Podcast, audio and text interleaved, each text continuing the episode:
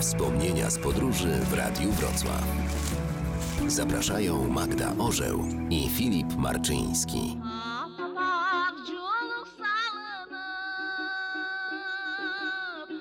Dziś wracamy nad jezioro Songkul w środkowym Kirgistanie. To naprawdę jedno z najbardziej niezwykłych miejsc, jakie widzieliśmy. Niesamowite górskie krajobrazy, spokojna tafla wody i pustka. Kiedy tam przyjechaliśmy w końcu w środku letniego sezonu, byliśmy w naszym jurtowym hotelu jedynymi gośćmi. Potem pojawiła się jeszcze para niemieckich turystów na bardzo drogich rowerach i trójka Francuzów, też rowerzystów. Letnia burza ze śnieżycą trwała tylko chwilę. Pojawiła się nasza dziesięcioletnia gospodyni i zaprosiła nas na kolację. W całym obozie tylko ona mówiła po rosyjsku, wszyscy dorośli tylko w swoim języku. Podali nam manty i oromo.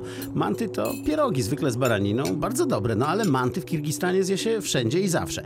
A oromo to jednak coś specjalnego. Taki walec z cienkiego ciasta, coś jak filo, zwinięty i wypełniony farszem. Akurat my dostaliśmy wersję z warzywami. Tak wygląda zakładowa tutaj jurtowa stołóweczka. Stół syto zastawiony. Jedzenie było niezłe, ale w końcu nie po gurmetowe doświadczenia jedzie się nad Songkul. Chcieliśmy koniecznie zjeść rybę z jeziora, ale akurat się skończyły. Sklep urządzony w starym autobusie był zamknięty. No i się nie udało. Kiedy zachodzi słońce, robi się idealnie ciemno i niebo wygląda naprawdę niesamowicie. Miliony gwiazd i absolutna cisza. No i chłód. Na 3000 metrów noce zawsze są zimne. Dlatego, zanim jeszcze całkiem się ściemniło, pod naszą jurtę podjechały taczki pełne węgla.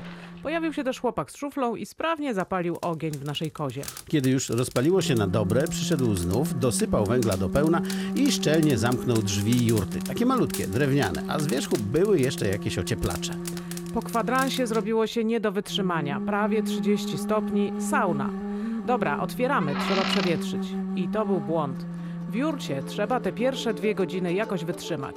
Trzeba wytrzymać te 30 stopni, żeby potem nad ranem nie zrobiło się 5. Zanim wyszło słońce, przez jakiś czas było ciężko. Mycie się w nieosłoniętej umywalce wyposażonej w baniach zimnej wody w tej temperaturze też może nie być dla wszystkich. Ale poza tym Songkul to bajka. Śniadanie i trzeba wyjeżdżać. I tu nauka. Jeśli już ktoś zdecyduje się tam pojechać, to koniecznie na minimum dwie noce. Jedna to za mało. Można pojeździć na koniu, pochodzić, a przede wszystkim się pogapić. Krajobrazowo to jest światowa ekstraklasa. No i nikogo tam nie ma.